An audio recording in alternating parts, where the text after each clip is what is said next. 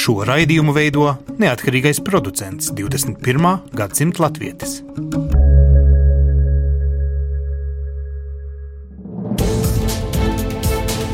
Septiņas dienas Eiropā piedāvā Eiropas radiotīkls Eironet.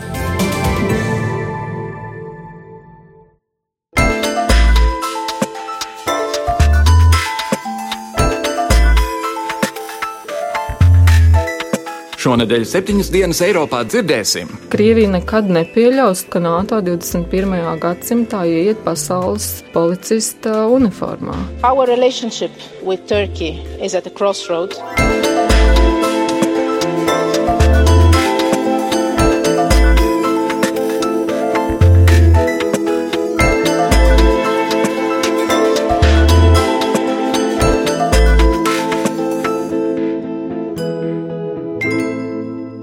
Labdien, godējumie klausītāji! Latvijas radio studijā Kārlis Strīps esiet sveicināti jaunākajā septiņas dienas Eiropā. Krievijas prezidents Putins gatavojas doties vizītē uz Japānu decembra vidū, un viens no darba kārtības jautājumiem neizbēgami būs sarunas par Kureļu salām. Šo vulkānisko salu ķēdi starp Kamčatkas pussalu un Japānas ziemeļu salu Hokkaido Padomju Savienība okupēja otrā pasaules kara beigās, un Japāna jau 70 gadus uztur prasību atgriezt tai piedarošās četras Dienvidu Kureļu salas. Pēdējo mēnešu laikā Maskavā un Tokijā klīda runas par iespējamu risinājumu šajā jautājumā, un pastāvēja cerība, ka kaut kas varētu pavirzīties Putina vizītes laikā. Diemžēl pirms vizītes, izveidojot Bastion un Bālu pretkuģu raķešu sistēmas Kureļu salās, Krievija nolēmusi nevis piedāvāt Japānai risinājumu, bet gan gādāt par papildu saspīlējumu abusējās attiecībās. Putina runas vīrs Dmitrijs Peskovs gan klāsta, Krievijai esot visas tiesības izvietot militāro tehniku uz šīm salām, un izteica cerību, ka šāds solis nebojās ieceri sadarboties gaidāmās vizītes laikā. Tālāk šonadēļ raidījumā spriedīsim par Krievijas prasmīgi piekopto draudu diplomātiju. Precīzāk, pret NATO vērstie pārmetumi par alianses apdraudējumu Krievijas drošībai, kā labi Krievijas spiestā aizstāvēties, izvietojot Kaļiņingradas apgabalā raķešu palaišanas sistēmas. Tostarp arī Iskander sistēmas, kuras var aprīkot ar kodolgalviņām un kas spēja apdraudēt jebkuru Eiropas metropoli 700 km radiusā no Helsinkiem līdz Hamburgai. Bet vispirms Francija gatavojas nākamgad ievēlēt jaunu prezidentu. Pie varas esošā sociālistu partija ar Olānu priekšgalā diez vai var cerēt uz turpmāku tautas atbalstu, bet republikāņu partijas un Nacionālās frontes kandidāti izrādās viens par otru lielāki Krievijas draugi.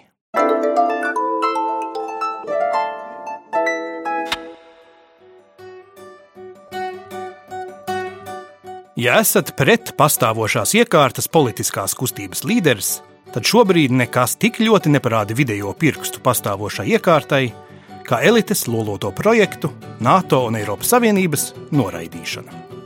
Turklāt labais tonis ir atbalstīt cilvēku, kurš visvairāk no visiem vēlas iedragāt uzticību šiem projektiem - Krievijas prezidents Vladimirs Putins. Francijas galēji labējās anti-imigrantu partijas Nacionālās frontes līdere Marina Lepena nekad nav kautrējusies publiski paust savas siltās jūtas pret Putinu. Lepena jau no pirmās dienas uzstāja, ka Krievijas sankcijas būtu jāizbeidz. Nacionālās frontes delegāti uzraudzījuši un uzslavējuši Putina rīkotos referendumus, kas apliecina Krievijas ārzemju iekarojumu leģitimitāti. Un kad pirms diviem gadiem atklājās, ka Nacionālā fronte saņēmusi 11 miljonus eiro finansējumu no nelielas Krievijas bankas, kas pieder Putina sabiedrotajiem, Lepenes vēlētāji bija vienaldzīgi. Tāpēc Lepena lūgusi Krievijai piešķirt viņas vēlēšanu kampaņai vēl 27 miljonus eiro. Bet tad pēkšņi Frančiskais Fijons pārsteidzoši uzvarēja konservatīvās partijas kandidātu priekšvēlēšanu pirmo kārtu. Nacionālā fronte satraukti teica pārskatīt savu prezidenta vēlēšanas kampaņas stratēģiju. Jo, kā izrādās, arī Fijons visur konsekventi un nelokami ir paudis savu atklātu pro-maskavisko nostāju. Visos radio un TV šovos Fions aizstāv Krieviju. Kad rietumi uzlika Maskavai sankcijas par Krimas aneksiju, viņš nosauca tās par negatīvām un pieprasīja tās atcelt. Kad atklājās, ka Krievu karaspēks atrodas Austrumukrainā, Fions apgalvoja, ka tas reģions ir pārsvarā krievisks un vairāk vai mazāk jau pieder Maskavai. Kad Krievija iegāja Sīrijā, lai palīdzētu prezidentam Bašaram Asadam, Fions ignorēja cilvēktiesību pārkāpumus un uzstāja, ka Eiropiešiem jāveido alianse ar Irānu, Sīriju un Krieviju, lai cīnītos pret Daīšu. Fions bieži arī veltīs bargus vārdus NATO, apsūdzot to tīšā provokācijā, paplašinoties pārāk tuvu Krievijas robežām. Tad, kad rietumu amatpersonas pauda bažas, kad Donalds Trumps izteica apbrīnu Putinam, Fions neapmulsa un runāja pretējo. Je pense que l'élection de M. Trump, elle doit nous conduire, nous. Es nebaidītos no Trumpa-Putina alianses. Es būtu par tādu. Es arī ceru, ka Trumps krasi mainīs Amerikas līdzinējo politiku pret Krieviju. Tāpat uzskatu, ka jāmaina Eiropas drošības koalīcijas pamats un saskatu Krievijas vietu plašākā starptautiskā drošības koalīcijā. Et enfin, elle doit nous conduire à revoir notre relation avec la Russie. Tālāk Lepenai Fiona parādīšanās ir milzīgs izaicinājums jo viņš apstrīd Nacionālās frontes līderis līdz šim ekskluzīvās tiesības uz labēju šovinistisko, promaskavisko, pretpastāvošās iekārtas vērsto politiku. Turcijas autokrātiskais līderis Erdogans atlaidis no amata kārtējos desmit tūkstošus ierēģņu, kas pēc neveiksmīgā militārā puča izrādījušies neusticīgi valdnieki jaunās Turcijas vīzijai. Eiropā un Turcijā daudziem tagad beidzot tapis skaidrs, ka Turciju diez vai var vairs uzskatīt par piemērotu Eiropas Savienības kandidātu valsti. Vairāk par to, kāda šobrīd pastāv versijas par pragmatiskāko norisi šķiršanās procesam, mana kolēģe Jāņa Kropa sižetā.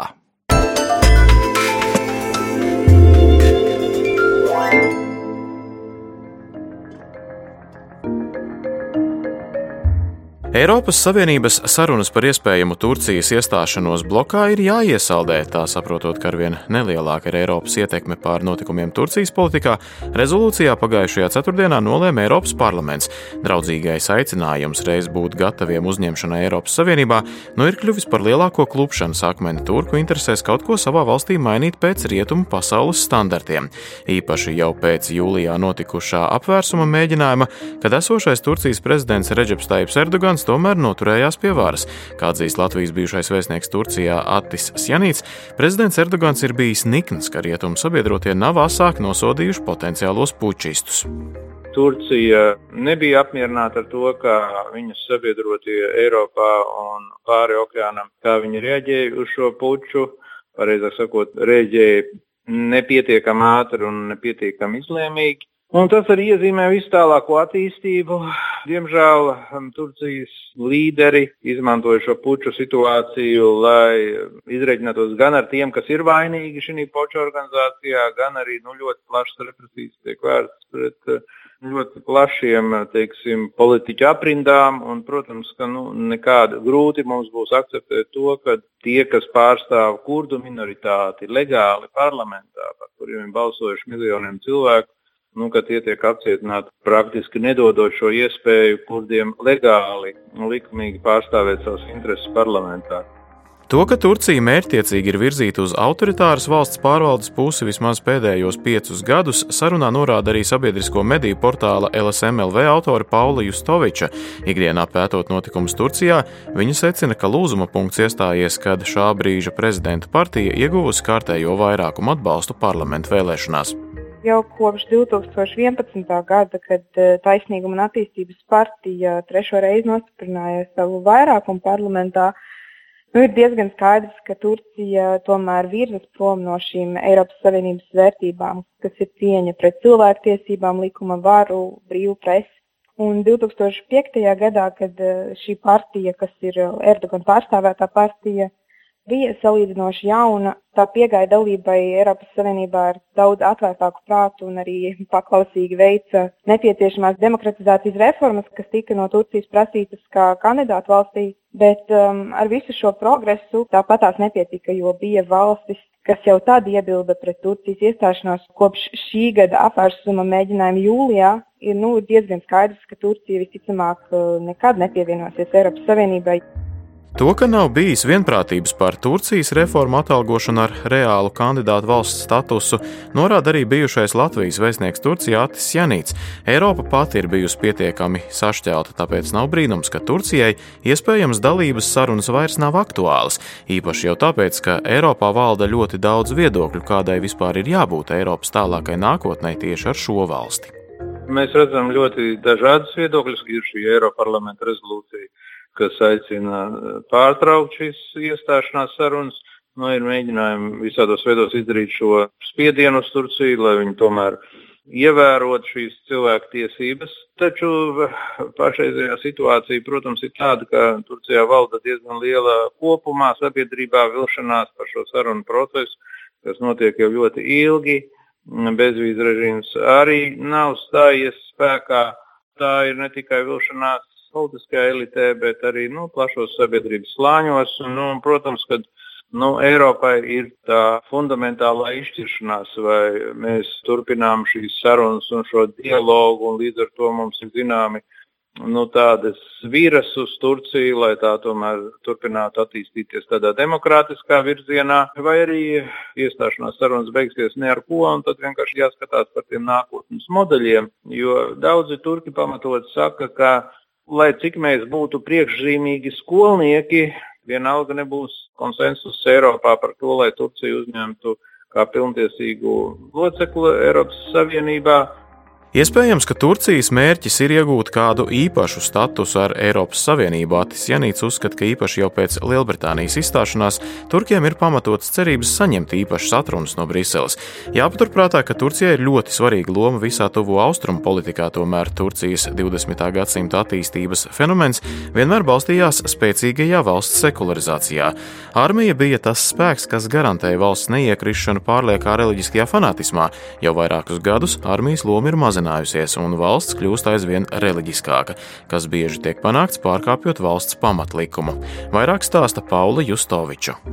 Jau tagad ir redzams, ka tiek pārkāpti tie sekulārismu principi, kas ir noteikti konstitūcijā, ka, piemēram, nedrīkst uzspiest skolēniem mācīties eh, reliģiskās skolās, kas nu tiek pilnībā pārkāpts, jo visvairāk tieši islamizācija šobrīd arī izpaužās ar izglītības islamizāciju, ka arvien vairāk tiek slēgtas parastās vispār izglītojošās skolas, un to vietā tiek veidotas tās, ko sauc par imam hatib skolām, kas ir domātas tikai tiem, kas grib kļūt par imāmiem vai šiem uh, islāma mācītājiem. Vairākās intervijās teiksim, ar vecākiem un skolēniem ir atklājies, ka teiksim, viņu tajā apdzīvotajā reģionā nemaz nav iespējas alternatīvai, kā tikai mācīties šajā reliģiskajā skolā, kas nu pavisam noteikti pārkāpj šos sekulārismu principus. Un tas pārkāpj arī reliģisko minoritāšu tiesības, tāpēc, ka tomēr ir vēl kristiešu minoritāte, it īpaši armēņu apdzīvotos rajonos, un arī šiem skolēniem liek iet islāma skolās. Tas, protams, ir pilnīgs absurds, ka viņiem liek mācīties par praviešu Muhameda dzīvi, lai gan viņi nepieder šai reliģijai. Vēl viens svarīgs apstākļus, kas ļauj Turcijas valdībai ar prezidentu priekšgalā uzvesties tā, kā iegribas, ir Eiropas atkarība bēgļu izmitināšanas politikā. Turcija uzņem lielu daļu to imigrantu, kas vēlas nokļūt Eiropā. Daudzi politiķi ir aicinājuši šo sadarbību pārtraukt, jo tā kropļo attiecības. Kamēr Turcijas prezidents ir izteicies, ka valstī jāapsver iespējas varbūt pat iestāties Šanhajas sadarbības organizācijā, kur, kā zināms, dominē Krievija un Ķīna, Eiropas augstā pārstāve ārlietās Federika Mogherini ir izteikusies, ka Turcija šobrīd ir nonākusi krustcelē puscelēs. Tai nav jāizvēlas kļūt par daļu no rietumiem vai austrumiem, jo Turcija allaž ir bijusi tilts starp abām šīm pasaulēm. Uh, Mūsu attiecības ar Turciju ir krustcelēs, tādēļ, ka arī pati Turcija ir krustcelēs. Es teicu, ka vislabākais un efektīvākais veids, kā stiprināt Turcijas demokrātiju, ir sadarbojoties, turot visus kanālus vaļā. Dažādu domnīcu eksperti arī jau ir izteikušies, ka labākais, ko Eiropa varētu darīt, ir nesaraut pilnībā saites ar Turciju. Šīs valsts politiķiem, aktīvistiem un visiem tiem, kas ir pret esošo varu, ir nepieciešams spēcīgs ārējais atbalsts. Bez šāda atbalsta autoritārais vadīšanas stils samīs jebkuru pretestību. Tomēr nevajadzētu arī lolot ilūzijas, ka attiecībās ar Turciju kaut kas strauji mainīsies. Kamēr Eiropas valstu ministriem ir jādomā, kā reaģēt uz Eiropas parlamentu pieņemto rezolūciju, Turcijas politikā turpināsies iesākt sāktais kurs. Nevelti Reģeps Teips Erdogans ir teicis, ka viņam jau Eiropas ieteikumi ir tik vienaldzīgi, ka pa vienu ausu iekšā, pa otru ārā. Turklāt ļoti daudz ko noteiks arī nākamā gada vēlēšanas tādās Eiropas valstīs kā Vācija un Francija, īpaši jau Vācijā, kur ir liela turku minoritāte, un ņemot vērā arī to, ka Vācijai ir ļoti liela teikšana visos Eiropas Savienības notikumos.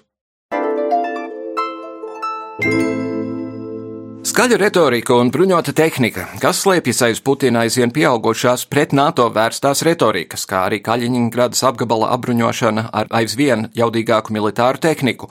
Vai varas un amatu maiņas Moldovā, Bulgārijā un Igaunijā sniegušas šādai karavīgai retorikai plašāku dzirdīgo ausu auditoriju, vai Iskander Bastion un S-400 raķešu palaišanas sistēmas Kaļiņgradā reāli apdraud Eiropas metropolis - Berlīni, Varšavu, Kopenhāgenu, Prāgu, protams, arī Tallinu, Viļņu un Rīgu.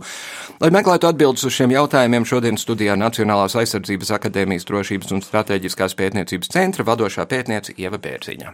Labdien! Labdien! Un jūs droši vien drusku sarāvāties, jo pirms rēģījuma jūs teicāt, ka jūs nesat speciālisti par raķešu sistēmām. Bet, Nē, nu, bet tas, protams, ir savstarpēji saistīts. Nu, nu, jā. teiksim, ne detalizēti, bet, protams, ka šīs te raķešu sistēmas, visas citas militārās tehnoloģijas, viņas tiek izmantotas kā arī komunikācijas rīks, un, protams, tad, tad to nevar apiet. Bet, nu, jā, Nu, jā. tur ir šie divi līmeņi, jā, ir viens ir gan šī te tehnoloģiskā, jā, ko ar to var izdarīt. Un otrs, kā tas tiek pielietots, nu, ko tas nozīmē strateģiskā līmenī. Vai jūsu centram vai, vai pētniekiem kopumā sāk veidoties kaut kāda izpratne par to, ko īsti Putins grib? Jo tas apgalvojums, ka Krievija ir apdraudēta, tas ir prima facie nepatiesa. Neviens viņus neapdraud. Kas, kas, ka, ko viņš domā? Nu, es mēģināšu. Protams, neviens mēs nevaram ieiet viņa galvā un tiešām droši pateikt, ko viņš domā, bet principā, ja mēs skatāmies ilgtermiņā, gan viņa retoriku, gan arī strateģisko dokumentu attīstību, tad mēs tur, zinām, loģiku varam saskatīt un var, principā, var iezīmēt to skatījumu. Un tā problēma ir tā, kāpēc mums liekas, ja nu kaut kā, nu, teiksim, kāpēc mums rodas tie jautājumi, jo no mūsu puses ska- skatoties ir skaidrs, ka mēs neapdraudam Krieviju, bet kāpēc viņi to tā uztver. Un tur ir cits pasaules skatījums, tur ir vispār cits redzējums uz lietām. Un pirmkārt jau šī te retorika, kas eskalējās arī ar šo te militārā spēka stiprināšanu Kaļiņgradā un citām aktivitātēm, ka tas, protams, nav kaut kāds atsevišķs episodisks gadījums. Ja tas ir jāskata plašākā mērogā, gan garākā laika dimensijā, gan arī plašākā šajā te uzskatu sistēmā. Un tad, tad tas kaut kādu jēgu dod un ā, arī rada. Un te uzreiz, jā, lai mazliet ieskicētu to domāšanas veidu, tad ir jāskatās tas, ka šo te militāro komponenti, viņi jāskatās kopā ar citām komponentēm. Un viņi jāskatās ir ā, tādā griezumā, kā vispār Krievija saprot, ko nozīmē kara darbība 21. gadsimtā. Un ā, tajā viņa skatījumā ir, ka viņa militārā doktrīna, ka viena no mūsdienu kara darbības iezīmēm ir tā, ka visi spēka instrumenti tiek pielietoti integrētā veidā, un šie spēka instrumenti ir tātad, protams, militārais, bet arī politisks, ekonomisks, informatīvs un jebkura cita veida spēka instrumenti, viņi tiek ā, lietoti integrētā veidā. Nu, lūk, un faktiski, un tā otra tēma, par ko Latvijā īstenībā ir mazāk runāts, bet kas ļoti labi izskaidro, kāpēc ir šī te no viņa puses ir šī sajūta, ka viņi ir apdraudēti un ka viņiem ir jāaizsargājas, ir otra tikpat liela problēma kā NATO. Ir otra tieši tāda pati problēma - krāsainās revolūcijas. Un viņiem ir pilnīgi savs skatījums uz šiem te fenomeniem, nu, kas sākās ar uh, Buldeza revolūciju Serbijā 2000. gadā, pēc tam bija Gruzijā. Roža revolūcija 2003. gads, pēc tam oranžā revolūcija Ukrainā, tagad Eiromaidans, vēl, vēl Kirgistānu, virkni citu, citu mēģinājumu. Un viņi faktiski visus šos te procesus arī uzskata, ka tā ir kara darbība. Būtībā viņi runā par krāsainām revolūcijām kā kara darbības formu. Ja no rietumu skatu punkta tas ir nu, vairāk vai mazāk sekmīgāks, bet demokratizācijas process, tad Krievijas skatījumā tā ir kara darbības forma. Un viņi to redz tā, ka tas ir veids, kā lielie ģeopolitiskie spēlētāji ar nemilitāriem līdzekļiem sasniedz savus ģeopolitiskos mērķus. Mm -hmm. Jā. Tā, nu, tā kā, un tur, protams, mēs varētu iet tālāk. Tas redzējums ir samērā plašs, iespējams, ka tur mēs vēl dažus aspektus varēsim pagūsim iztirzāt. Un, un, un acīm redzot, arī diezgan dziļi iesakņots, jo, jo es neticu, ka Putins tiešām tic, ka Ukrainā pie varas ir nacisti šī vārda patiesajā izpratnē, un viņš, viņš zina, ka viņa valsts melo attiecībā uz to, ko Krievija tur dara un cik lielā mērā tā tur piedalās. Es neticu, ka viņš ir pilnīgi traks maniaks, kurš, kurš vienkārši ir zaudējis paškontroli. Nē, es arī ne, es nepiekrītu noteiktam apgalvojumam, ka ir traks. Nu jā, par šo te nācismu, cik lielā mērā tic, nu es pieņemu kaut kur daļēji. Varbūt daļēji jā, bet es arī domāju, ka, protams, ka diezgan tur apzināti tiek šis te vēstījums tiek manipulēts un veidots. Jā, un, un, piemēram, jā, tas, ko es minēju iepriekš, tagad, nu, nu pateiksim, aktuālākais, jā, arī aktuālākie pēdējā laika paziņojumi par NATO ir šajā te Oliver Stone filmā Ukraina ugunīs, ko RENTV demonstrēja 21. novembrī. Un tad puse no tās filmas, gandrīz pirmā daļa, jā, ir par to, ka par vēsturisko šo te skatījumu, ja ka Ukraina atdzimst neonācisms, Pēc tam loģiski tad, jā, tad bija Eiromaidans, kur bija tātad šis te labējais sektors, kurš tad ir mūsdienu šie te nācisti, nu, un tad, lai aizsargātu krievalodīgo interesi, tad attiecīgi Krievija darīja to, ko darīja, un tur, protams, arī izskan šie daži no pēdējiem. Paziņojumiem saistībā ar NATO, ja, kad, nu, Krievija, ņemot vērā to, ka pieaug NATO militārā spēka stiprināšana Eiropā, tad Krievijai netiek nekas cits, kā savas raķešu sistēmas pavērst uz mm -hmm. NATO objektiem, kurus viņi uzskatīja, ka tie varētu apdraudēt Krieviju. Un šeit jau visas šīs lietas, kā es teicu, viņas ir savītas vienā šādā te skatījumā, un, teiksim, arī ja par Ukrainas krīzi mēs skatāmies, ja tad arī tur tā loģiskā saikne ir redzama, jā, un arī ko Putins ir teicis, ja 14. gadā Pēterburgas ekonomikas formā, ja, kad, nu jā, bet jūs saprotiet paši, ja vispirms ir Eiromaidans un pēc tam Ukrainā būs NATO. Nu, un tad attiecīgi, ja, tā kā tas viss ir savstarpēji saistīts. Tātad Olivers Stones Ļeņina vārdiem runājot ir bijis lietarīgs idiots šajā sarunā. Nu, jā, jā, jā viņa, viņa ir tā filma, protams, ir ļoti, ļoti tādā, nu, šajās te Krievijas mūsdienu komunikācijas labākajās tradīcijās. Mm -hmm. Nu, viņa ļoti precīzi un spilgti un tā sabiezināti at, ataino šo te Krievijas skatījumu. Bet ja mēs runājam par to laika dimensiju, ja, un par to saspēlējumu attiecībā ar NATO, tad, tad būtībā es pat ieteiktu pat, pat skatīties vēl tālāk atpakaļ nekā Putins, jo atcerēsimies Dienvidslāvijas karus un NATO uzlidojums Kosovā. Un tā laika prezidenta Boris Ilcina komentārs arī bija tāds, ka mums tas nav pieņemami un ka Krievija nekad nepieļaus to, ka NATO 21. gadsimtā ieiet pasaules policista uniformā. Un šī pozīcija konsekventi arī, viņa konsekventi tiek īstenot. Protams, tas Teiksim, ja, ja skatās šo te Krievijas strateģisko dokumentu attīstību, ja, tad, tad, tad NATO kā draudz parādījās, ja pēdējos gados, sākot no 2010. tad 13. Eh, gada pēdējā militārā doktrīna, kas šobrīd ir tāpat arī, arī nacionālās eh, drošības koncepcija, tur tas ir vēl asākā formā, ja, un tas eskalējās. Bet nekas tāds jauns un ļoti tāds radikāls pavērsiens tajā nav. Mm. Un, protams, atšķirība ir tā, ka Jeļcina laikā Krievija īsti nevarēja tur neko iesākt. Tas ir bijis Putina laikā, kad ir tiešām stiprināti Krievijas bruņotie spēki. Jā, jā, jā pie, piekrītams. Jā. Bet, mm. ja mēs skatāmies drusku plašākā pasaulē no mūsu, mūsu apvidiem, tas, ko Krievija pat labi dara Sīrijā un konkrēti Lepo pilsētā, vismaz manā uztverē, ir nepārprotams kara noziegums. Tur tiek bombardēts pa labi, pa kreisi, pa uz augšu, uz leju un tā tālāk un tā joprojām. Un tas, tas varbūt daļrunīgāk rāda, kāda ir Krievija mūsdienās nekā viņas propagandas karš Austrum Eiropā?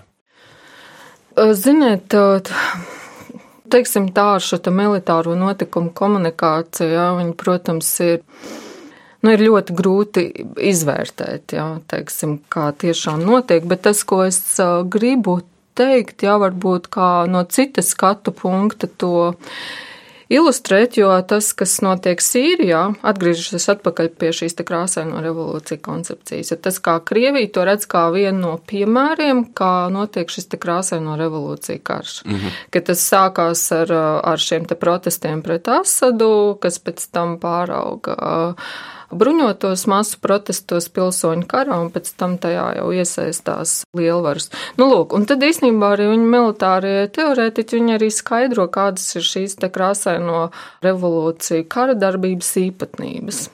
Un tās ir sekojošas, ka viens, ja, ka tas nenotiek vairs pēc tradicionālās karadarbības principiem, kur nav frontes, nav aizmugures. Tas lielākoties notiek urbānā vidē, kur civiliedzīvotāji tiek izmantoti par dzīvo vairogu. Tas notiek slēpjot kaut kādu konkrētu valstu iesaistīšanās faktu, līdz ar to šeit nedarbojas starptautiskie likumi, mm -hmm. tāpēc, ka nav starptautisko tiesību subjekti, kas noved pie tā, ka šāda veida kara darbība ir ārkārtīgi postoša civiliedzīvotājiem, kas noved pie ļoti lieliem civiliedzīvotāju zaudējumiem un kopumā notiek pēc tādām kriminālām, bandītiskām ārkārtīgi nežēlīgām metodēm.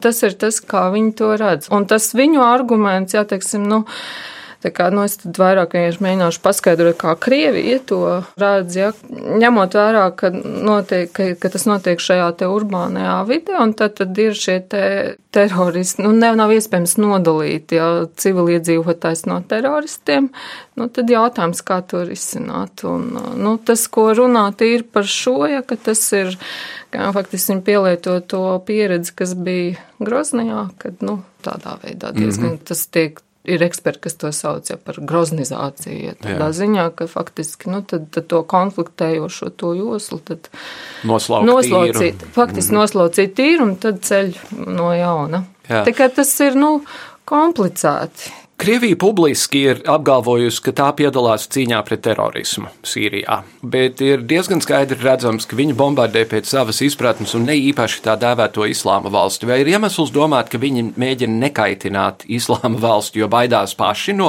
teroristu uzbrukumiem? Paši viņi noteikti baidās.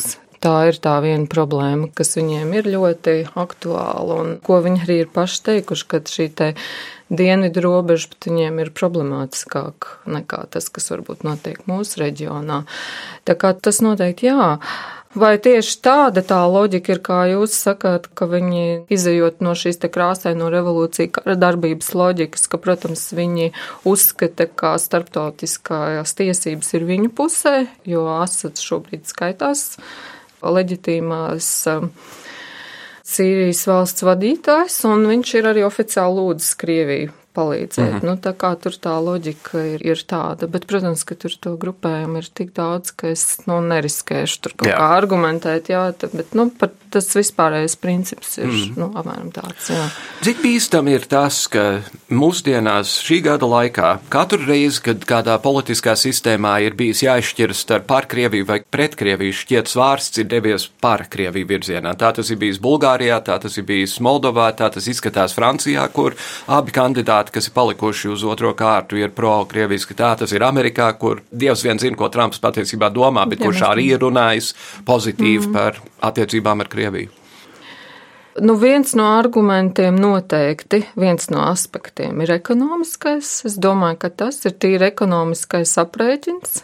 Un tad ir otrs jautājums, uzskats, ja par to, vai Krievija ir drauds vai nav drauds. Mm -hmm. Jā, par to var tad arī domāt. Uh, Otrs ir ekonomiskais, un tas, kas attiecas vairāk uz Rietumu Eiropu, tad es personiski domāju, ka šis te bēgļu pieplūdums lielā mērā ir tas, kas varbūt Eiropā ir tas katalizators, kas veicina šos te no šīs politiskās transformācijas, radikalizācija un tā tālāk. Man un Krievijas jautājums šeit, ir sekundārs un vienkārši tiek pievilkts klāt. Domāju, ka Francijas gadījumā jā, tas, kas attiec uz centrālu Eiropu, es drīzāk to tā redzētu, ka tur vairāk, manuprāt, ir šis te ekonomiskais apsvērums, ka savas ekonomikas attīstīšanai, ka mums būtu iedzīgāk veidot normālas attiecības ar Krieviju, neeskalēt, sadarboties. Un savukārt Rietumē Eiropā es drīzāk redzu, jā, ka tas bēgļu jautājums ir tas, kas rada šīs te. Mm -hmm transformācijas. Jā. Bet vai jūs tādā gadījumā redzat kopēju apņēmības vājināšanos tādās organizācijās kā Eiropas Savienība, arī ANO un, un ANO drošības padome, kad cilvēkiem vienkārši ir apnikusi šī sankciju situācija un vienalga, ko Krievija dara, sāksim domāt par to, ko darīt tālāk? Es domāju, ka tur ir ļoti daudz un dažādi spēlētāji. Gan, tu, piemēram, nu, labi, Eiropas Savienība, tāpat šeit pat, nu, pat ir svaigs, ja tas, ko pēdējās dienās, ja pieņēma šo te rezolūciju šķiet, ja par, par pretošanos trešo pušu propagandai. Ja. Mm -hmm. nu, tā kā tas zināms tāds simbols tomēr ir, ja kā, nu nevarētu tā teikt. Ir grūti teikt noteikti Es domāju, ka šeit notiek tā viedokļa polarizācija, ka ir daļa sabiedrības, daļa uzskatu, daļa elites grupu, kuri domā, ka, protams, ir jāsaglabā un ir jāparāda šī stingrā nostāja, bet es pieņemu, ka tikpat daudz ir arī, arī, arī ir, kur, kur veidojās šie citi motīvi. Un tad, tad redzēs, kāds ir tālāk attīstīsies. Mm. Un, protams, mums konkrēti Latvijā tomēr ir svarīgi, lai to stingro politiku saglabātu, jo, ja Putinam ir ik pa brīdim vajadzīgs kaut kam uzbrukt, lai saglabātu savu reitingu, Krīma tagad ir pievākta, kur viņš skatīsies tālāk. Jā, bet, ziniet, nu, par šo, tas, tas, tas šis, šis, ko jūs sakāt, ir tāds ļoti plaši izplatīts skatījums Latvijā uz šīm te um, lietām. Teiksim, ja mēs paskatāmies uz Ukrainas krīzi, jautājums vai uh, teiksim tā, es daļēji piekrītu eh, šim te, kad ir vajadzīgi ja kaut kādi ārpolitiski, ārpus, ja šie te vai nu militārie panākumi, lai uzlabotu iekšējo situāciju. Protams, jā, pēc Krimas aneksijas reitings pieauga un, un, un, protams, tas tur bija, bet es nedomāju, ka tas bija galvenais motīvs. Mm -hmm. Ukrainas gadījumā tomēr tas bija. Es teiktu, ka primāri tie bija drošības apsvērumi, jo pat, piemēram, neskatīsimies Krievijas propagandu bet arī nu, rietumu ģeostrateģi, piemēram, Džordžs Friedmans, kurš ir bijušais Stratforda direktors, un viņam ir tāds futuroloģisks darbs kam ir simts gadi, un tajā viņš arī raksta, ka tad, jā, ja rietumi spēs panākt dominanti Ukrainā, ka tad Krievija kļūst neaizsargājama. Tas ir tas, ko viņš raksta. Mm -hmm. Un tas ir arī tas, ko, ko izmanto šos te argumentus. Tā kā tur tomēr ir militāra apsvēruma, un atgriežoties pie tā, ko mēs runājam par NATO, tad, protams, ka viens no mērķiem ir, un tas, ko Krievija arī konsekventi cenšas darīt, piemēram, ar šiem iesaldētiem konfliktiem nepieļaut NATO paplašināšanos. Nu, tas mm -hmm. ir mhm. pilnīgi skaidrs, jā, jā. kā viena tā lieta, ko viņi darījām. Mums laiks drusku iet uz beigām. Pēdējais Jā. jautājums. Jums kā zinātniecei, ko un zinātnieki meklē faktus un, un pierādījumus un visu pārējo, kas jums ir sakāms par to, ka mēs šķiet dzīvojam tādā postfaktu pasaulē mūsdienās, kur galvenie informācijas avoti ir Krievijas melīgā televīzija, Amerikā Fox melīgais eh, ziņu kanāls, Trumps ar savu melošanu, Brexit cilvēki ar savu melošanu. Viņi kaut ko sasniedz un ar, ar, par spīti tam, ka viņi klāja melo. Nu, nu, ziniet, kā, teik, teiksim arī jau tas, ko mēs. Um, runājam. Te divas lietas. Viena lieta ir tā, ka vispār kā darbojas cilvēka prāts, un cilvēka prāts darbojas tādējādi, ka viņš realitāti uztver pastarpināti caur savu mentālo priekšstatu, un šo mentālo priekšstatu var ietekmēt, protams, tā skaitā ar mēdīju palīdzību. -hmm. Un tas nav nekas jauns, tā ir teorija, ko Haralds Lasvels attīstīja jau pagājušā gadsimta sākumā. Tas, kas notiek tagad, un ir tas, ka diezgan aktīvi ir tas, ka ir pilnīgi pretrunīgi pasaules uzskati, un mēs saduramies ar to, ka šajā te notascīt mentālajā telpā, ja mēdī telpā ir pilnīgi pretrunīgi uzskati, un tas ir tas, kas to visu nojauc. Un mēs runājam par konfliktiem un notikumiem, kur mums nav iespējama tiešā pieredze, Mēs, nu, lielākā daļa no mums neesam bijuši Ukrainā, mēs neesam bijuši Sīrijā, mēs reāli nezinām, kas tur notiek.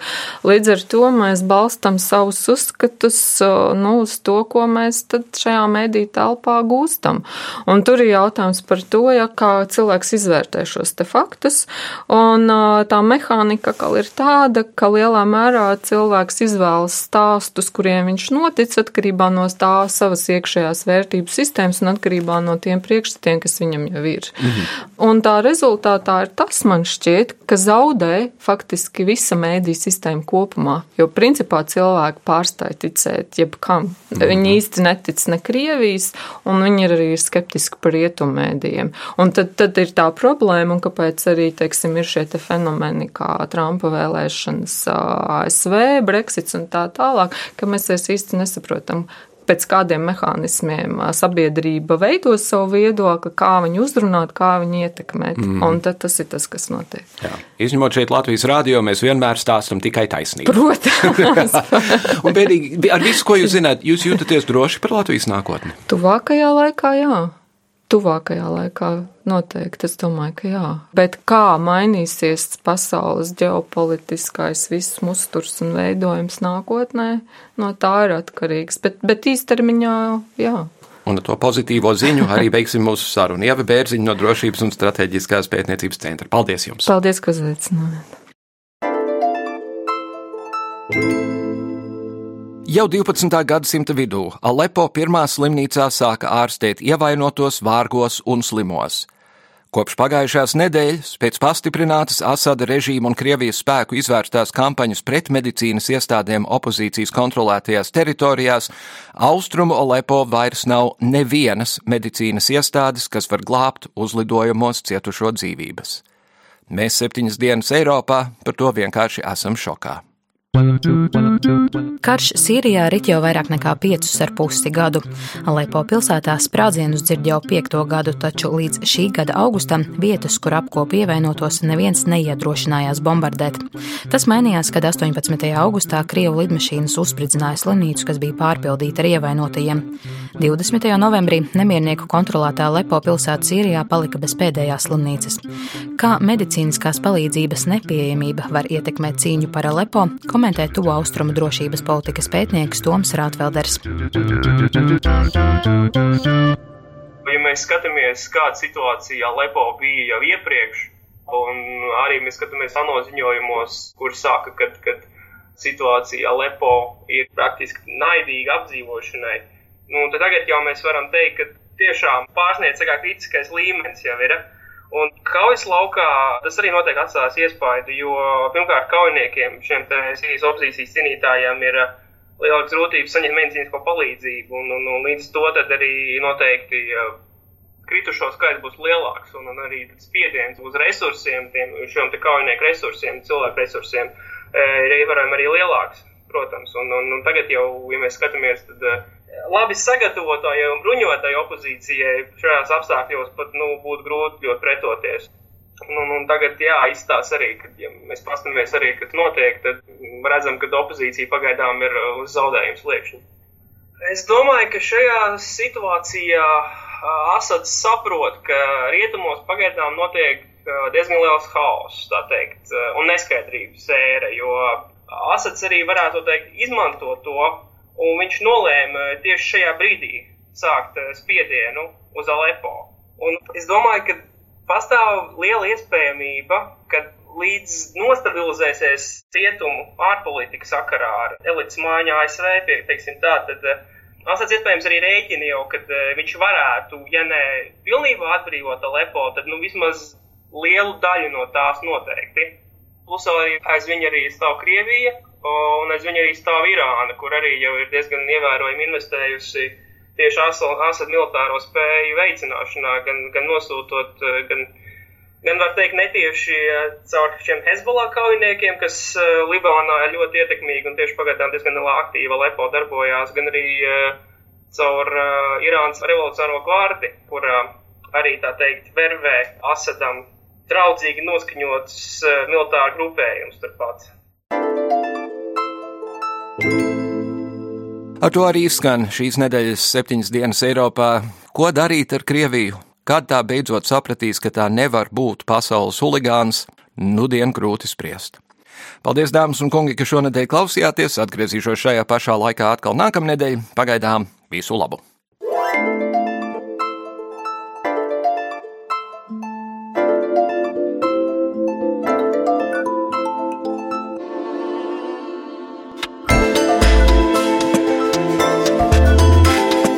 Raidījumu veido Kārlis Streips, Ieva Valēne un Jānis Krops. Raidījuma producents Lukas Rozītis.